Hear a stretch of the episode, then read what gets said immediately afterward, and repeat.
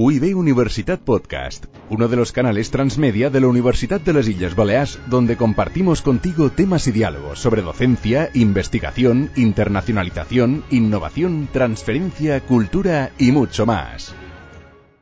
Bienvenidos a este nuevo podcast sobre Derecho de la Competencia. Os saluda Juan Frank Fluchá, profesor de Derecho Mercantil de la Universidad de las Islas Baleares. Para esta conversación, que versará sobre la liberalización de los mercados y la intervención de la Administración Pública, contamos con el señor Ismael Gutiérrez Fernández, actualmente director gerente del Banco de Sangre y Tejidos de las Islas Baleares y anteriormente abogado dedicado a cuestiones de competencia y miembro del UK Civil Service. A raíz del debate suscitado por los servicios funerarios en estos duros tiempos de COVID-19, esta va a ser la eh, actividad canalizadora de esta entrevista. Bienvenido, Ismael. Hola, Juan, ¿cómo estás? Muy bien. Empecemos entonces con, las preguntas. La primera pregunta que te formularía es, ¿cómo fue el proceso de, de liberalización de los servicios funerarios? Bueno, los servicios funerarios es todo el proceso que va desde que se produce el exitus hasta que el cuerpo queda o bien incinerado o bien en un cementerio y esto incluye transporte de cadáver, tanatorio, crematorio, cementerios, etc. Esto se ve considerado un servicio esencial históricamente en España, previsto en la Ley de Bases de Régimen Local, artículo 23, hasta el año 96. En el año 96, que se inicia en España un proceso de liberalizaciones de muchos mercados, se aprueba un Real Decreto que abre la puerta a que los ayuntamientos, un Real Decreto Ley, el 796, que abre la puerta a que las propias autonomías y los ayuntamientos regulen un sistema de, eh, de, control privado, este, de, prestación privada de esta serie de servicios. Y aquí empieza un poco a abrirse la puerta, aunque siempre hubo, ah, siempre hubo gran resistencia. El gran ejemplo fue Cataluña. Cataluña con su ley 297 fue la primera y la única autonomía que ha regulado por ley esta cuestión y fue la que más, más se esforzó en intentar abrir este tema, pero los ayuntamientos utilizaban el sistema para establecer lo que, lo que venía a ser requisitos desproporcionados para evitar la concurrencia o la competencia efectiva.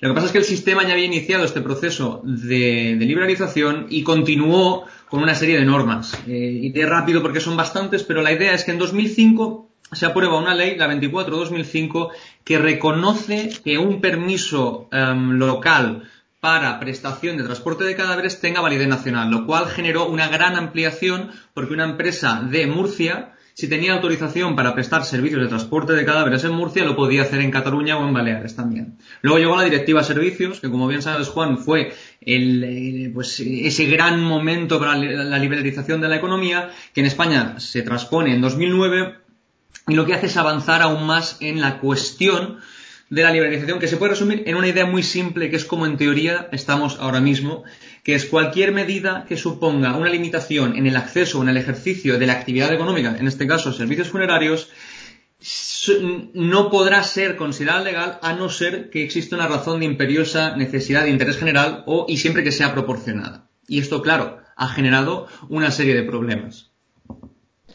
Estamos viendo estos días eh, el caos en la gestión de estas situaciones tan, tan dramáticas y yo te preguntaría qué repercusiones a nivel de competencia ha tenido esta liberalización a lo largo de los años y ahora estamos viendo un poco los, los resultados tal vez.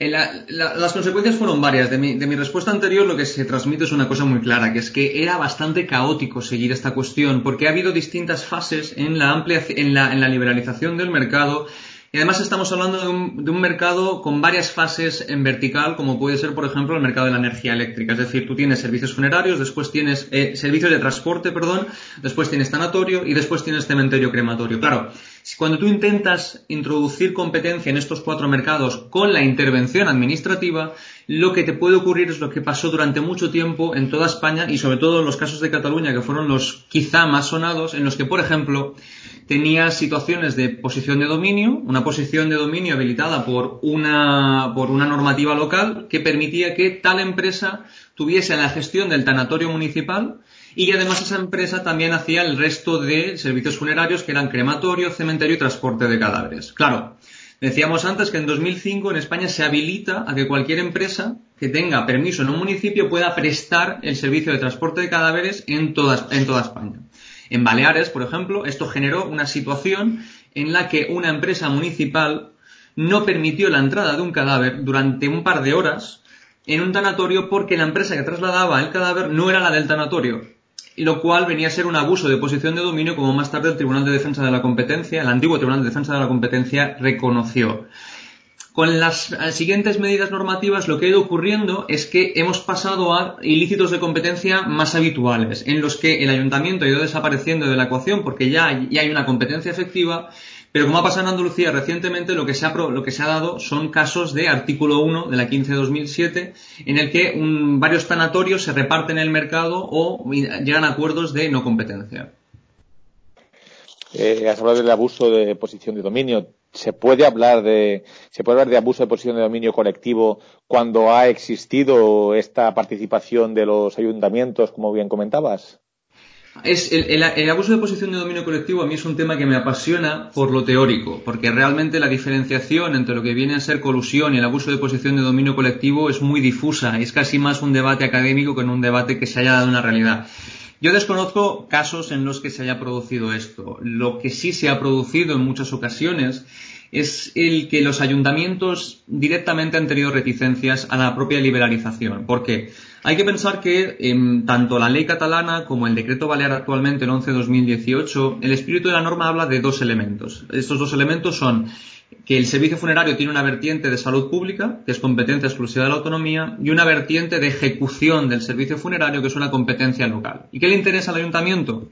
Al ayuntamiento le interesa un pues paz social y le interesan los menos problemas posibles. Y si tiene que tener un y si tiene que tener un tanatorio, quiere que el tema funcione de la manera más suave posible. Eso a nivel de competencia, en lo que se ha dado más habitual, o lo que se dio en su momento, ahora ya no tanto, pero lo que se dio en su momento y en lo que yo, como comentaremos después, trabajé, son casos en los que los ayuntamientos eh, intentan favorecer la no competencia dentro del mercado, no por cuestiones más mm, espurias o malévolas, sino simplemente por una cuestión de que yo al final quiero tranquilidad, quiero que mi ordenanza eh, lo deje todo claro y que solo sea una empresa porque si no esto puede ser un desmadre. Y de aquí vino gran parte de la problemática. Ahora bien, eh, como decía, de esos casos en los que ha habido colusión entre ayuntamientos y empresas, se ha pasado a una situación, como pasaba en Andalucía, en la que tenemos colusión entre empresas de los servicios funerarios.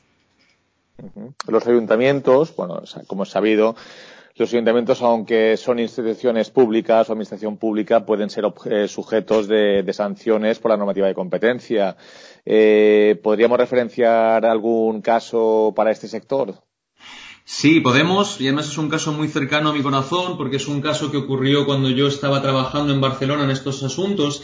Es el caso, es, la resolución del expediente 40-2011, Servicios Funerarios del Llobregat, de la, de la Autoridad de Competencia Catalana, en el que la ACO, esta autoridad, consiguió demostrar que había habido, bueno, demostró, consideró probado que había habido un acuerdo colusorio entre eh, la empresa funeraria que gestionaba el servicio de tanatorio y el ayuntamiento y también un par de hospitales, lo cual fue bastante, bastante rompedor porque al final lo que se vino a demostrar fue que existía un acuerdo de distribución en exclusiva de los cadáveres a este tanatorio y este acuerdo entre, el entre la empresa que gestionaba el tanatorio y los hospitales, la ACO consideró que se había producido por una carta que habría enviado el Ayuntamiento de Hospitalet del Llobregat a estos hospitales.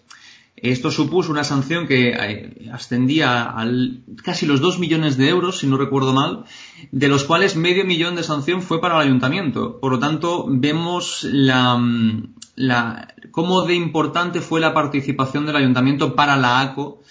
Y, lo que es importante también destacar es que el TSJ de Cataluña ha validado esta resolución. Desconozco si se ha, recorrido al Supremo, no sé si ni siquiera podría haber bases para ello, pero lo que sí que es cierto es que el TSJ de Cataluña ha validado la, posición de la ACO y esto es muy, muy interesante. Pero como digo, ya no existen casi eh, resoluciones en este sentido, sino que lo que se da y comentabas al principio, es más una situación en la que la competencia parece que se ha introducido, pero que esa competencia ahora, como decías al principio, está generando unos inputs negativos en el mercado en una situación tan inusual y tan excepcional como la que tenemos ahora, Juan. Podríamos poner algunos ejemplos para profundizar en lo último que acabas de comentar y que obviamente está en boca de, la sociedad, el tema de, por ejemplo, incluso de, topes o de limitación de, precios por servicios funerarios eh, o cuestiones del alcance de, pues de esas actividades crematorias. Podríamos, podrías profundizar un poquito más en cuál sería el escenario, las fórmulas. ¿Cómo, cómo ves tú esa, esta situación en este momento actual? Claro, yo lo que esto, te respondería con una pregunta a nuestros oyentes para que se la planteen en, un rato libre. Que es, en la, antigua ley de régimen de bases, eh, ley, de bases de régimen local, perdón, la 785, en el artículo 86.3 establecía que los servicios funerarios eran un servicio esencial. Ahora mismo este servicio esencial ya no se considera como tal y está abierto a la competencia. La pregunta es, ¿eso no es un servicio esencial? Eh, quizá o probablemente el legislador, tanto el europeo como el nacional, entendió que en situaciones normales el servicio no era tan esencial. E, es esencial en parte y lo sigue siendo porque todas las normativas establecen que todos los municipios deben tener un tanatorio como mínimo, pero sí que se liberaliza y puede haber dos tanatorios, uno público privado. El tanatorio público puede ser de gestión, eh, de gestión indirecta, es decir, a través de una concesión, etcétera, etcétera. Claro, al final eh, aquí se produce la diatriba o el problema que tenemos ahora mismo. Si tú tienes competencia efectiva y se dispara la demanda de un servicio, ¿qué ocurre con ese precio? Pues que sube efectivamente. Claro, eh, desde un punto de vista moral y ético, en la situación en la que nos encontramos ahora, la intervención del mercado parece totalmente justificada. Lo que pasa es que esto a nivel de derecho a la competencia es un problema. Y la ACO sacó hace un par de días, y lo hemos comentado tú y yo, Juan, un informe en el que aceptaba las medidas del Ayuntamiento de Barcelona en este sentido, no, era hora del Ayuntamiento de Barcelona, hora de la Generalitat, ahora no recuerdo exactamente, pero la cuestión es que las medidas de restrictivas eh, se consideran como aceptables siempre que se diese la situación excepcional que tenemos ahora mismo. Al final esto se resume muy fácilmente. Eh, eso no es un servicio esencial. Y si es un servicio esencial ahora, ¿por qué no es un servicio esencial en una situación excepcional? Al final el problema es legislativo y si realmente en una situación como esta se requiere una intervención, lo que sería cuestionable es la propia liberalización del mercado. Ahora bien, si está liberalizado, la respuesta del mercado a subir los precios ante un, ante un crecimiento masivo de la demanda es, parece ligeramente lógico. En mi opinión, y ya concluyo con esto, la intervención es necesaria, obviamente. Eh, no podemos permitir que, se, que se, se, peguen, se paguen precios desorbitados en una situación tan grave como la actual pero lo que nos deberíamos plantear es si la liberalización del mercado era necesaria eh, o si se hizo de manera adecuada.